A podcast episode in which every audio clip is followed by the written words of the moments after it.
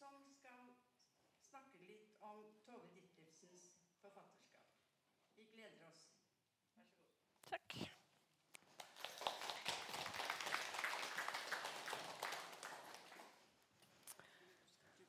Eh, Jeg har eh, mikrofon. Ja.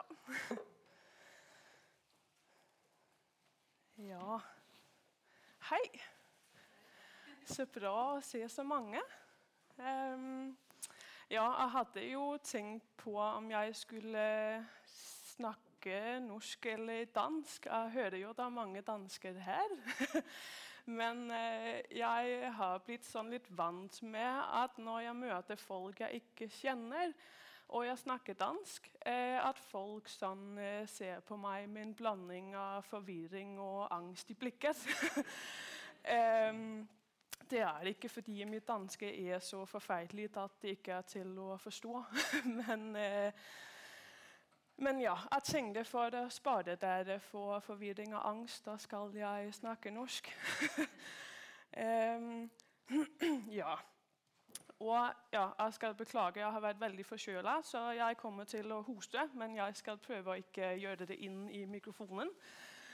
Em, Tove Ditlevsen er jo en forfatter som eh, ingen danske skolebarn kommer seg unna. Eh, selv faren min, som eh, aldri har lest en bok frivillig, vet hvem Tove Ditlevsen er. Jeg snakket med ham i går, og han sa Tove Ditlevsen, ja, det er henne med barndommens gate. Og jeg bare Ja, bra, pappa!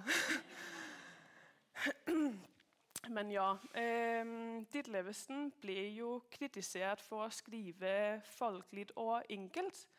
Og hun fikk jo aldri den anerkjennelsen hun kanskje fortjente mens hun levde. Og det kan det jo være mange forklaringer på, men eh, en av dem er vel at hun kom fram på en tid hvor det var denne modernistiske diktningen som vant fram. Eh, det var de modernistiske diktene som satte på makten. Eh, og de gjorde jo alt de kunne for å bryte med former og rim og rytme og sånn. Og Ditlevsen var jo veldig tradisjonell i sin diktning. Um, og folk skjønte hva hun skrev. og det var jo ikke modernistisk kunst om folk skjønte. Um, men det er jo også det med Ditlevsens både prosa og poesi eh, at det er en sånn blanding av det enkle, noe man skjønner, og noe mer sånn poetisk og opphøyd. Eh, litt sånn høystemt innimellom. Eh, men det er jo det jeg tenker mange vil ha.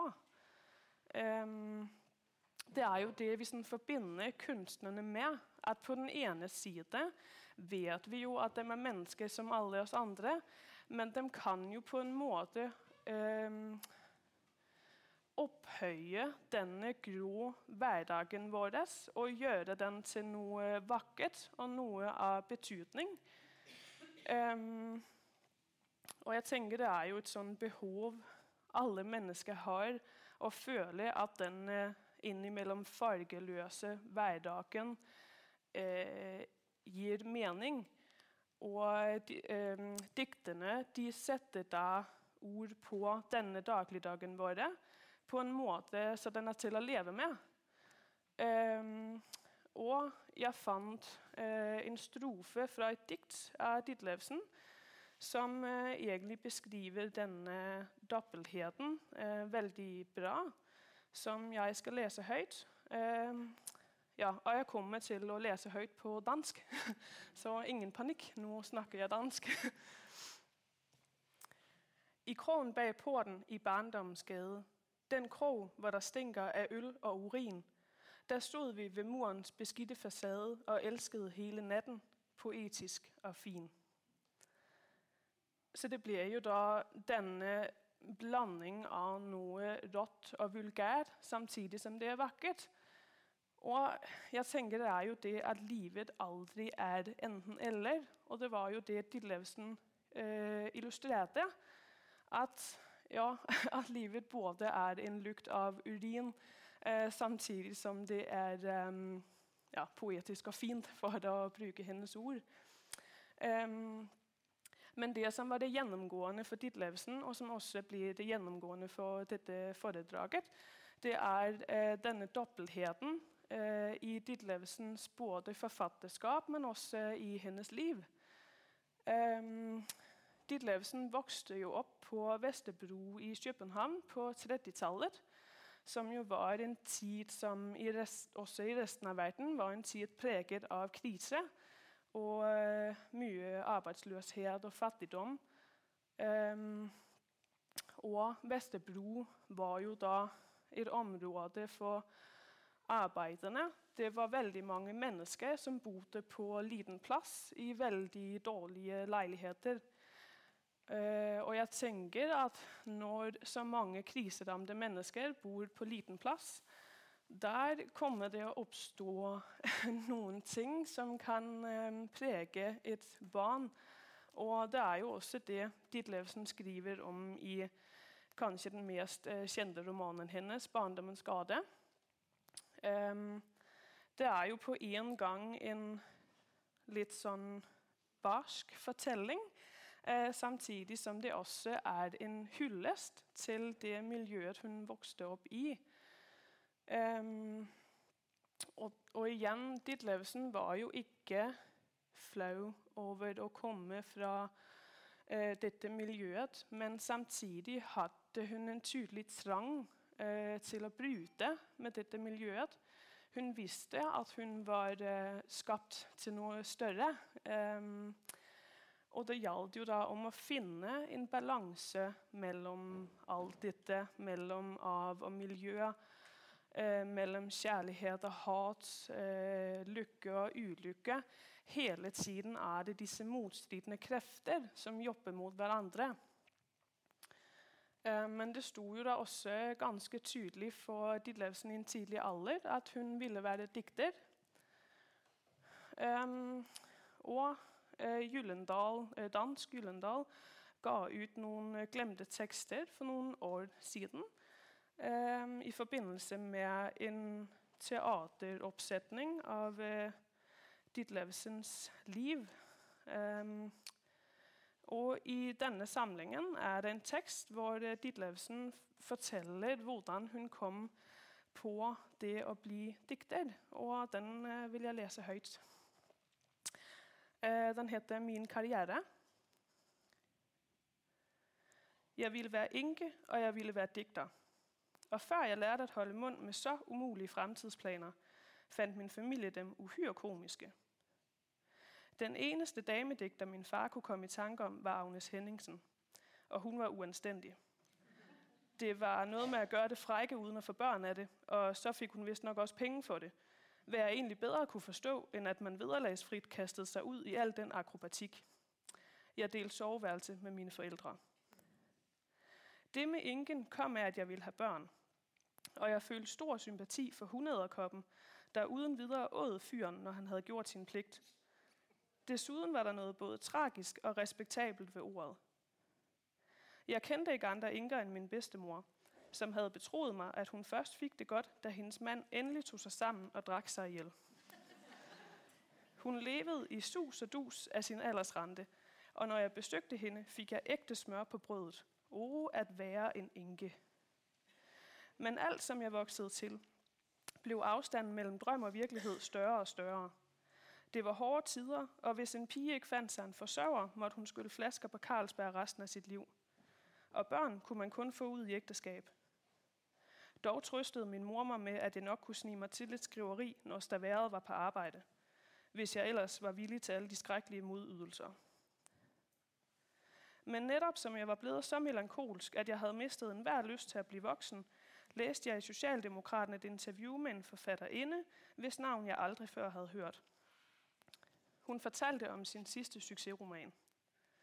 Hun havde fået en slags natlig åbenbaring, i det hun var vågnet op med den første sætning på læben – den lød solunde. Ingen skår lå midt i byen. Resten af bogen skrev faktisk sig selv. Der var et billede af hende sammen med nogle børn og en ældre herre, der så ud, som om hun lige havde taget ham frem og støvet ham lidt af til ære for fotografen. Han var mindst dobbelt så gammel som hun, så hun blev nok snart enke. Fyldt med nyt mod på livet, styrtede jeg hen på biblioteket og lånte den sælsomme bog, der havde skrevet sig selv, hvad der i høj grad tiltalte den arbejdssky side af min natur. Bortset fra den første udødelige sætning, kan jeg ikke huske andet af den, end at personerne drak en fantastisk bunke kaffe, hver gang handlingen troede med at gå i stå.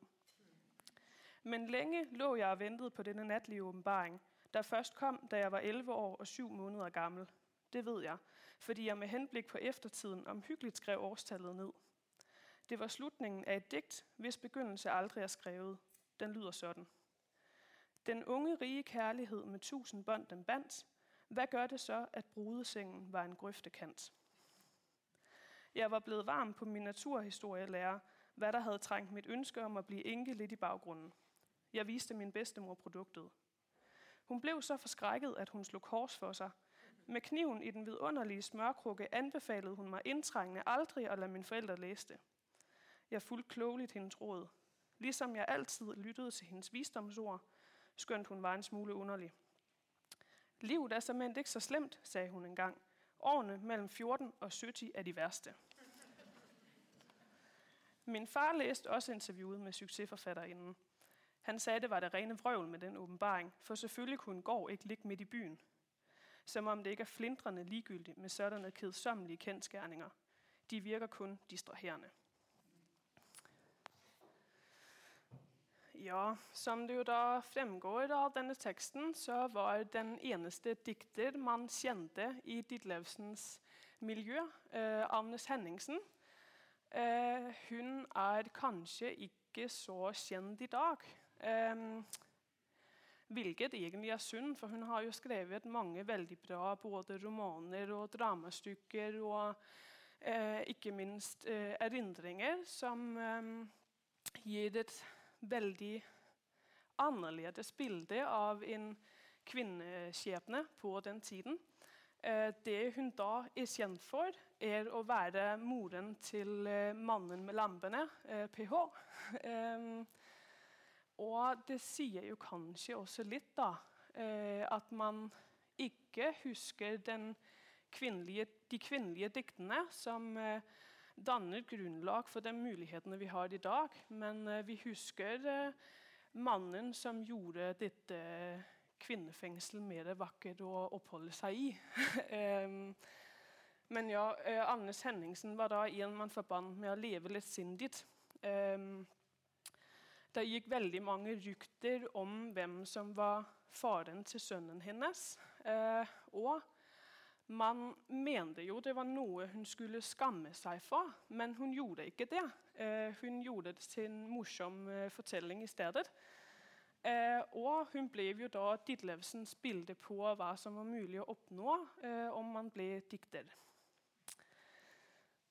Ditlevsen hun giftet seg første gang da hun var 22, eh, med den da 30 år eldre Viggo Muller. Og han var eh, eh, redaktør på en av Danmarks mest anerkjente litterære tidsskrifter, eh, Vildvid. Og eh, han ble jo da Ditlevsens inngangsbillett til det litterære miljøet. Og man kan jo da tenke om det var et sånn strategisk valg fra Ditlevsens side Eh, han var gammel, kanskje han snart døde, og hun ble enke. Eh, og han var jo som sagt da inngangsbilletten til det litterære miljøet. Eh, men det var jo ikke bare um, ekteskapet med uh, Muller som var litt sånn strategisk. Eh, etterpå giftet hun seg med studenten Ebbe Munch. Eh, det var nok et sånn eksempel på et ekteskap basert utelukkende på eh, begjær og forelskelse. Den var bare gift to år, og Ditlevsen hadde også en affære med en lege, Carl Ruberg, eh, ved siden av, som hun da også giftet seg med. Ruberg han ble da gjenstand for romanen 'Gift'. Um, Ryberg han forsynte gjennom store perioder av ekteskapet deres um, Ditlevsen med um, opiumlignende preparater. Um, og man kan jo tenke kanskje var det for å hjelpe henne, kanskje var det for å holde på henne. Eh, men hun skriver i hvert fall om det i eh, denne romanen. Som ja, Tittelen er sånn litt dobbelt. Det er jo både en henvisning til ekteskap, men også å være rusavhengig. Um, den er veldig veldig spennende og er jo egentlig uh, et foredrag i seg selv. Um, men ja, og igjen da, Det siste ekteskapet hennes var også med en redaktør, uh, Victor Andresen, som eh, ble det lengste ekteskapet. Eh, den var gift i mange år. Og han ble jo da også en veldig bra støtte for Ditlevsen eh, gjennom noen av de mest tøffe periodene i livet hennes. Um, og Ditlevsen skal da også ha uttalt om ekteskapet at øh, ekteskapet er ikke bare en borgerlig flytteforretning som kan løfte ulykkelige proletarpigebørn bort fra barndommens gade av mørke, øde og angst, men det er også den beste ramme for kjærlighet. Ja. Så hvordan da skape disse rammene for kjærlighet? Um, Ditlevsen hadde jo veldig sånn motstridende tanker rundt ekteskap og kjærlighet, og ikke minst kvinnens posisjon. Det var kampen mellom frihet og fangenskap, eh, det ekteskapelige samliv og den selvstendige kvinnen var liksom to fiender som ikke vil spille på lag. Det var enten total euforisk forelskelse eller klesvask, barn og dårlig sex. Hun visste jo at ekteskapet kunne være en sånn praktisk foranstaltning til å ta denne unge, ulykkelige jenten bort fra eh, det destruktive miljøet og opphøye henne. Um, samtidig som det kunne være kjærlighetens beste forutsetninger. Men da blir spørsmålet jo da hvordan få dem til å spille på lag? Eller ja, hvorfor spilte de ikke på lag? Og man kan jo tenke at det hadde noe med samtiden å gjøre. Eh, det var jo på den ene side 50-tallets glansbilde av The Perfect Housewife. Eh, og på den annen side virkelighetens eh, harde slit. Og Ditlevsen ble jo da fremstilt som en som kunne begge deler. Eh, ukebladene elsket jo henne eh, nettopp fordi hun var eh, jente av arbeiderklassen. Men hun kunne tenke, hun kunne skrive.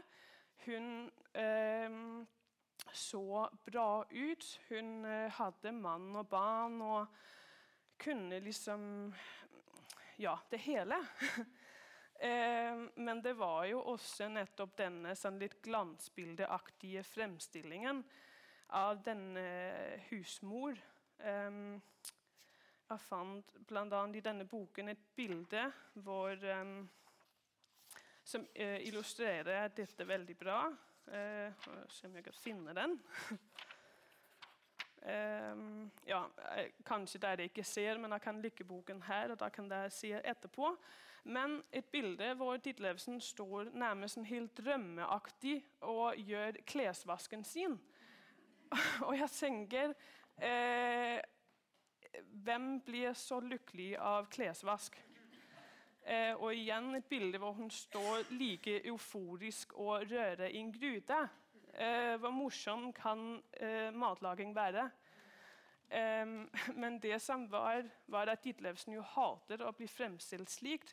Hun så jo hvor ironisk det var, og behandlet det da også med en ironisk distanse. Eh, hun skrev på et tidspunkt et dikt som hun kalte 'Selvportrett', som eh, illustrerer denne ja, tankene rundt det å ha disse ulike rollene. Og hun skriver Jeg kan ikke lave mad, gå med hat, hygge om folk, bære smykker, ordne blomster, holde aftaler, takke for gaver, gi rigtige drikkepenge, holde på en mand, vise interesser ved forældremøder. Jeg kan ikke holde op med at ryge, at drikke, at spise chokolade, at stjæle paraplyer, at sove over mig, at glemme at huske fødselsdage og rense negle, at snakke folk efter munden og røbe hemmeligheder og elske underlige steder og psykopater. Jeg kan være alene, vaske op, læse bøger, forme sætninger, være lykkelig øh, og lytte og være lykkelig uden skyldfølelse. Så ja, hun kan altså da både smile over oppvasken samtidig som hun kan dikte.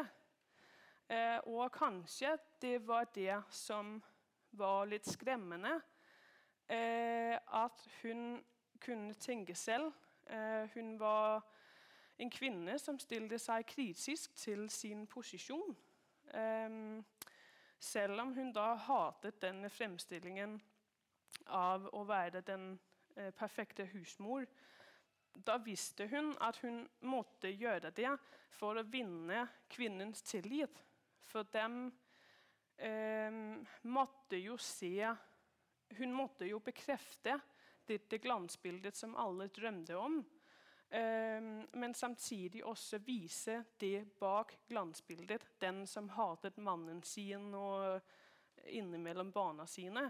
Eh, jeg tror det er i romanen 'Gift' hvor hun, eh, hvor hun beskriver første gang hun ser det nyfødte barnet sitt. Og hun bare ser på dette barnet og tenker 'fy faen, så stygt den er'. og det er veldig sånn umiddelbart. Og jeg tenker det er jo ikke noe man sier høyt om man syns barnet sitt er stygt. Det er jo sånn litt på grensen da. Kanskje nettopp dette med å skrive, så alle kan lese at man syns barnet er stygt. Um, men det var jo nettopp det at hun skjulte ikke at hun drakk, at hun ruste seg, at hun var mannen sin utro. Hun viste jo alt det den allmenne kvinnen visste, at det var en sjanse for å kunne leve i henne, men som hun enten ikke tør eller ikke kan sette ord på, men som hun bare fornemmer er inne i henne. Og det er jo denne dobbeltheten eh, som lever i alle at man har sider man undertrykker, eh, alt etter hvilke kulturelle eh, omstendigheter man befinner seg i. Man føler man bør eh, undertrykke disse sidene.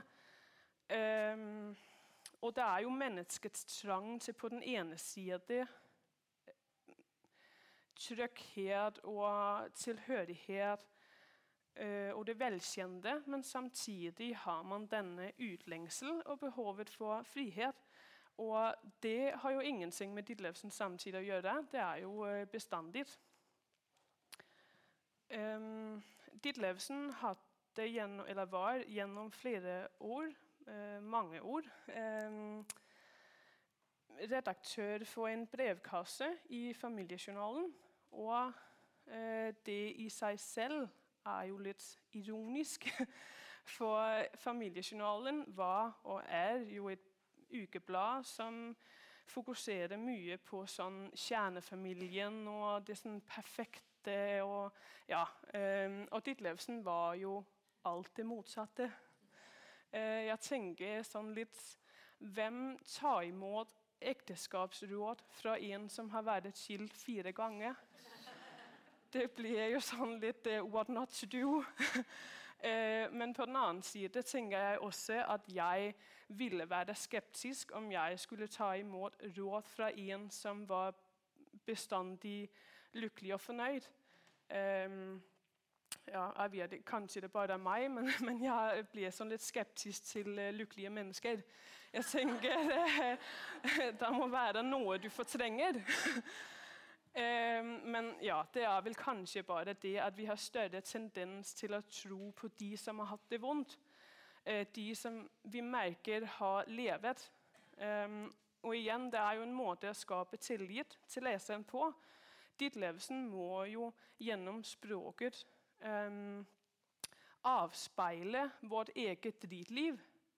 Hun må jo klage på oppvasken eh, og bruke dagligdagsord og dagligdagstanker for å få den kvinnen som står bak oppvasken, til å føle at hun snakker til dem. Til å skape denne tilliten mellom eh, to mennesker som er fremmed for hverandre. Um, og for, for jeg, jeg, tenker det er jo Eh, når språket lykkes, så er det jo nettopp fordi det skaper tillit mellom mennesker. Og da er det jo ikke nødvendigvis det vakre språket som skaper tillit.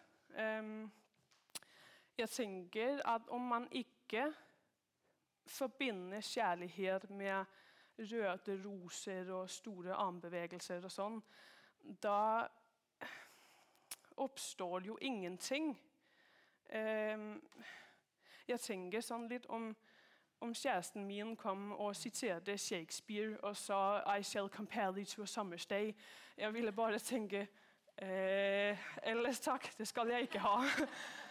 Men derimot om kjæresten sier noe som føles ekte, noe som kommer her innenfra, eh, ja, eller hvor det nå da kommer fra, eh, da føler jeg jo at det er ekte.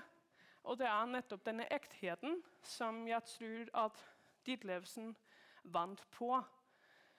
Um, I um, disse brevkassesvarene kan hun jo fremstå som veldig sånn direkte og på noen punkter litt sånn skremmende.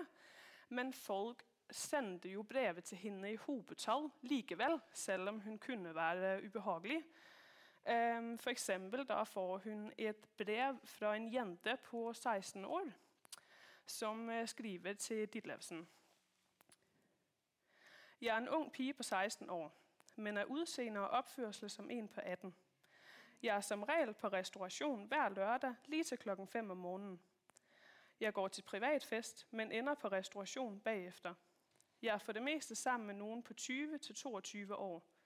Jeg har stået i forhold til to unge mænd på 20 år, og jeg var hverken nervøs for at bli gravid eller skammet meg. Hver gang jeg har gjort noe sånt, sier jeg til meg selv, nå vil du ikke i byen mer. Men det piner meg at jeg ikke kan stole på meg selv. Det ender jo galt med meg hvis jeg blir ved. Jeg har tre år tilbake av min læretid. Nå håper jeg, at de vil svare meg pænt. Ja, og det sådan, hun svarer der.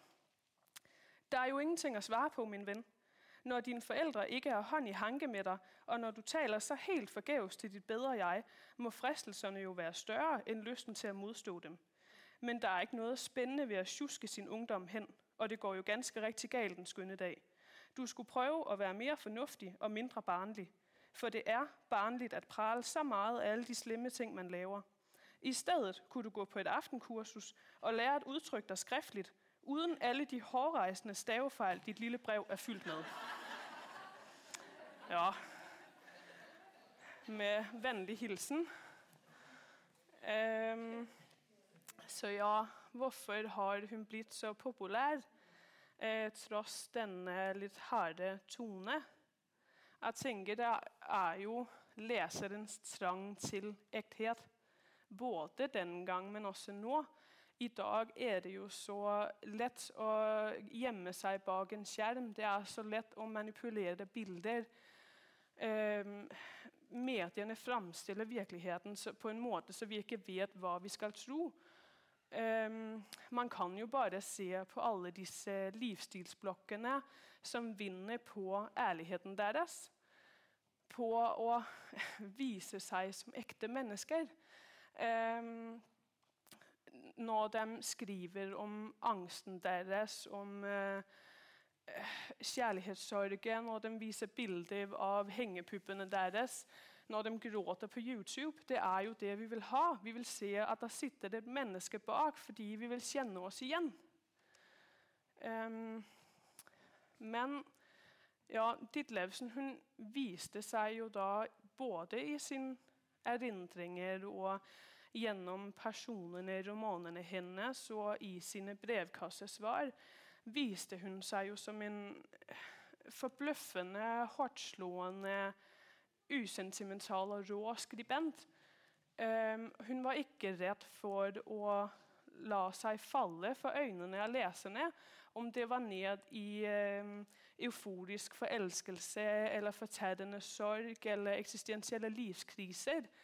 Um, hun terret jo virkelig på seg selv. Og jeg tenker ofte om henne som den type menneskene som når de får et sånn sår, at de ikke slutter å pille i det. Man vet jo det gjør vondt, og det gjør vondt å se på, men man klarer ikke å slutte. Og da er, selv om man nærmest får kvalme av å se folk sitte og, øh, i såret sitt, da øh, er det på en måte litt tiltrekkende også. Og jeg tenker hva er det som er så tiltrekkende?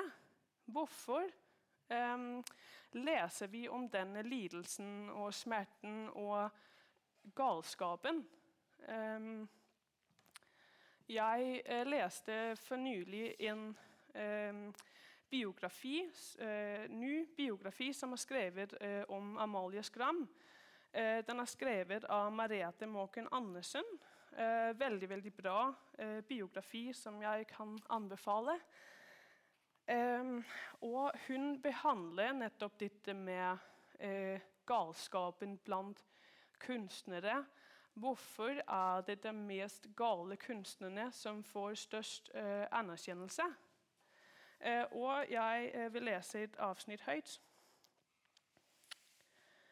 Det virker som om det siver skugger av galskap inn i kjærligheten, mens dødens skugge siver inn i galskapen fra en annen kant.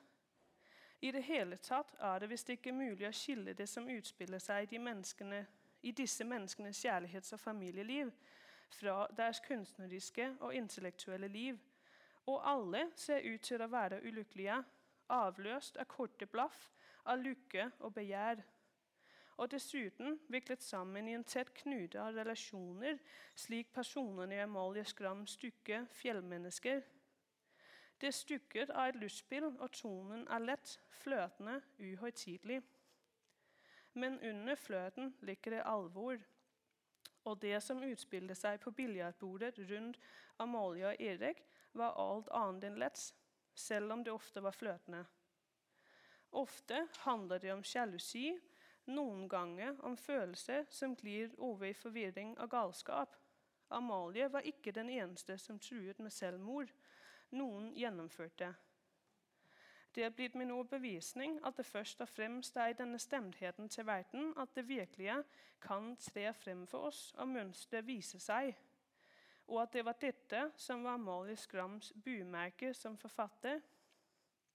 Og det var altså nettopp denne evnen og interessen som jeg mener hun delte med mange av de kunstnerne som omga henne. Like mye som å etterligne livet er tekstene hennes selv liv, som om virkelighet og tekst skulle være laget av samme stoff. Den åpenheten for erfaring som noen ganger ledet henne og de andre kunstnerne inn i sammenbrudd av galskap, tror jeg har å gjøre med denne stemtheten. En av mine mange informanter med erfaring fra både psykisk lidelse og stor kreativitet har fortalt meg at det handler om det hun kaller slag i hodet. Slaker skaper definitivt problemer både for henne selv og for omgivelsene. Men det åpner også vinduer inn til verdener som befinner seg i mellomlandskapet mellom det indre og det ytre, og som få kommer tilbake fra uten skrammer. De få som kommer seg videre, og som finner språk for det de har opplevd, har innsikter å by på av stor verdi. Men man må være forberedt på brå kast og skiftninger. Jeg tror både Amalie Skram og August Strindberg må ha hatt betydelig slag i hodet. Det samme hadde nok Knut Hamsun, Edvard Munch, Henrik Ibsen, Paul Gauguin, Vincent van Gogh i grunnen har vel de fleste av de jeg skriver om i denne boken, slikt slag i topploket, og det tror jeg vi skal være glade for. Vi burde studere slaget. Og ja Det Andersen da behandler, er dette med om kunsten er en måte for forfatteren eller kunstneren å eh, behandle galskapen på, håndtere galskapen. Eh, eller om galskapen oppstår fordi kunstneren driver fram eh, dette selv. At, og, og, jeg tenker jo også at denne eh, trangen til å krenge ut sitt aller innerste og dele alt ekte med andre mennesker Det ja, Kanskje jeg skal passe meg for hva jeg sier, men eh, at det må jo en slags galskap til for å ha den trang, tenker jeg. Men det er jo ikke nødvendigvis noe negativt. Eh, for jeg tror også, eh, slik hun sier det, at vi trenger denne eh, slaken. Fordi det jo da kanskje blir en måte å sånn fange opp galskapen på. Å fange opp smerten. Det at vi liksom kan lese om den, eller når forfatteren står foran oss på scenen og holder foredrag. Da har vi liksom galskapen på en plass. Og vi kan lese, vi kan lytte, og vi kan lære det vi vil. Og når vi da ikke orker mer eller er forløste, da kan vi slenge boken, eller vi kan dra hjem. Um, for nylig um, skrev en forfatter til meg at um, jeg spurte henne om dette med å være ærlig i sin kunst og det å bruke andre Eh, i denne kunsten. og hun skrev til meg at for henne handlet det om å være så ærlig som mulig for sin leser. Hun skrev at hun ga ut av hjertet og nyene sine som en gave til, til leseren.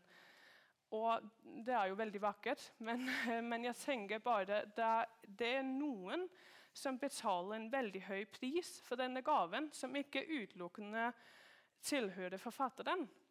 Ehm, det er problematisk at vi har denne tvangen til ærlighet. Ehm, jeg tenker at det ga jo sine utfordringer den gang Ditlevsen utleverte mennene sine og skrev om en av landets mest anerkjente og respekterte redaktører. Selvfølgelig har det vært reelt å stille spørsmål til samtiden hennes. Selvfølgelig har det vært noe å klage på. Um, og denne åpenheten og ærligheten har jo også tjent sitt bra formål. Men man må eh, også huske på at denne ærligheten har sine utfordringer. Eh, men ja, det er jo et helt annet eh, foredrag som jeg gjerne skulle ha holdt, men eh, kanskje en annen gang. Um, så ja, spørsmålet blir jo da hvorfor fikk ikke Ditlevsen den anerkjennelsen hun fortjente mens hun levde? Um, det er jo nærliggende å tenke at litteratur skrevet av kvinner eh, automatisk blir sett på som kvinnelitteratur. Altså bare, bare relevant for en bestemt gruppe mennesker mens litteratur skrevet av menn automatisk er lik kunst. Eh, kanskje var det fordi disse mennene var rethenne. Hun sa jo selv at det, det, ble problematisk at hun skrev slik hun gjorde. For det var jo sånn at ingen menn turte å snakke til henne av frykt for at de skulle bli gjenstand for den neste roman. Eh, kanskje var det fordi hun ikke ville danse etter deres melodi. Eh, det er jo som regel sånn at den som går først, den som er den første til å si at eh, keiseren ingen bukser har på, er den som får de fleste skrammer. Eh, Ditlevsen hun publiserte en, sin egen nekrolog eh, etter hun hadde forsøkt å ta selvmord. Eh, det er jo i seg selv litt morbid, da. Eh, men i denne mm, nekrolog kommenterer hun egentlig også nettopp på dette med at hun ikke fikk eh, anerkjennelse. det er en eh, lang tekst. Jeg skal bare lese et enkelt utdrag. I går døde forfatterinden T.D. i sin bedste alder. Det er et navn, der i dag ikke siger ungdommen noget, men ældre københavnere vil endnu kunne huske hendes sarte, åndeagtige skikkelse, der var uundværlig i den tids strøgbillede. Hvor travlt hun end havde, var der altid tid til at klappe en lille purk på hovedet, eller hjælpe en gammel mor lille med at bære hendes pakkenelliker.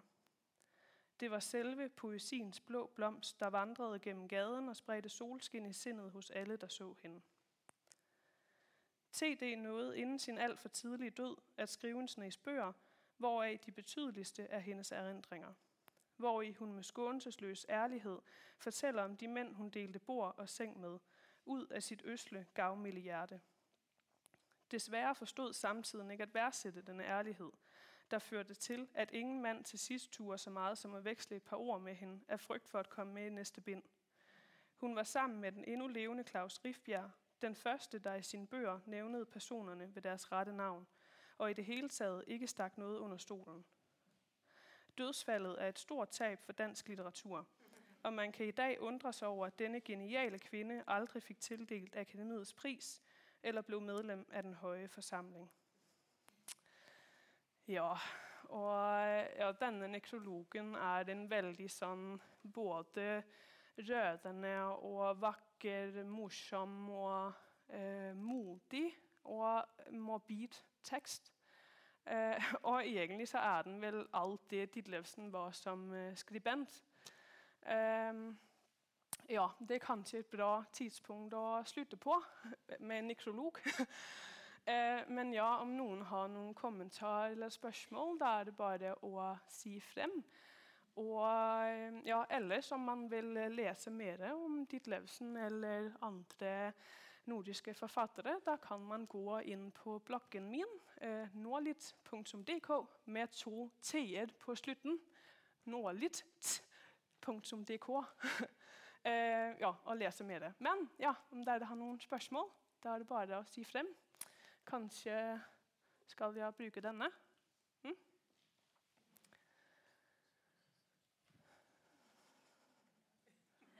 Nei, dere er eh, forløste. Bra.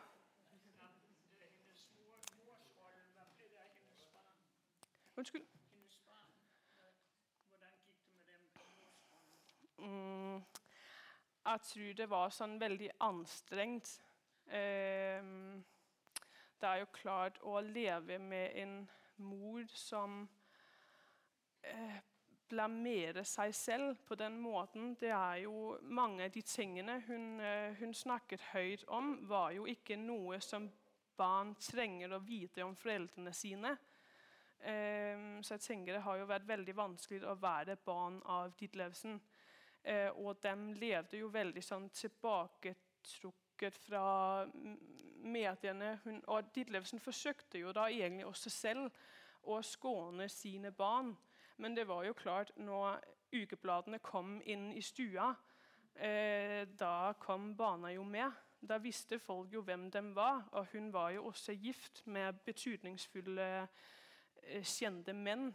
Eh, så selvfølgelig så ble de en del av det. Ja. Ja, men om det ikke er noen Hæ? Ja.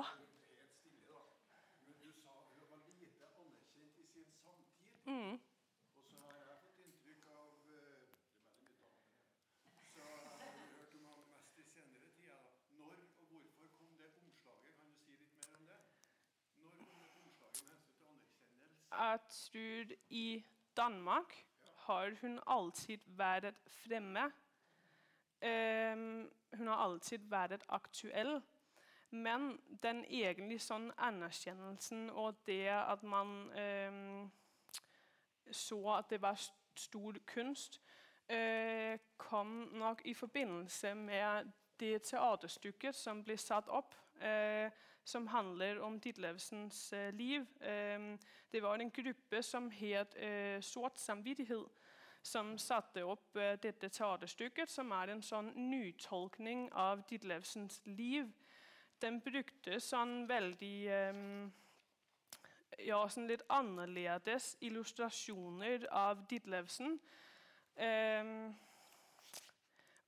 og ja, gjorde det til noe nykunstnerisk. Og nettopp trakte fram det kunstneriske i Tove Ditlevsen.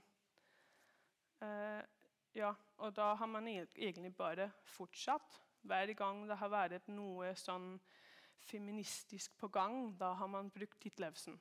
Ja. Når var det kom det der, da? Jeg husker ikke helt eh, Nei, eh, den, eh, denne boken er fra 2015, så jeg tipper at eh, teaterstykket kanskje er fra 2014. Ja. Ja.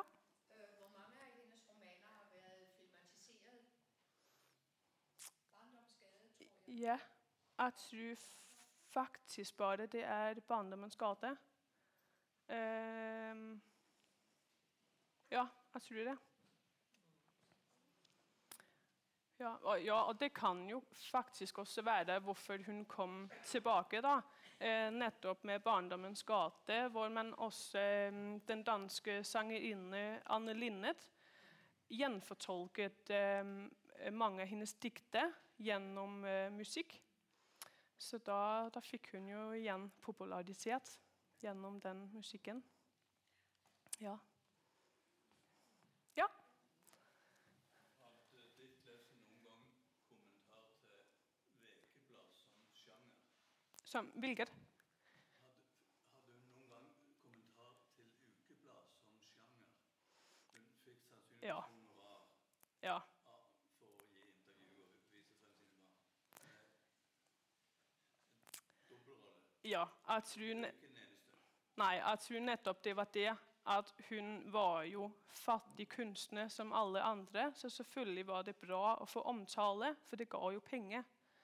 Ehm, så det var jo en kjempevanskelig situasjon å stå i. At man gjerne vil verne om det private, om sine barn, om seg selv, men samtidig må man tjene penger. Um, men ja, da brukte hun jo da uh, Hun skrev mange kronikker i politikken.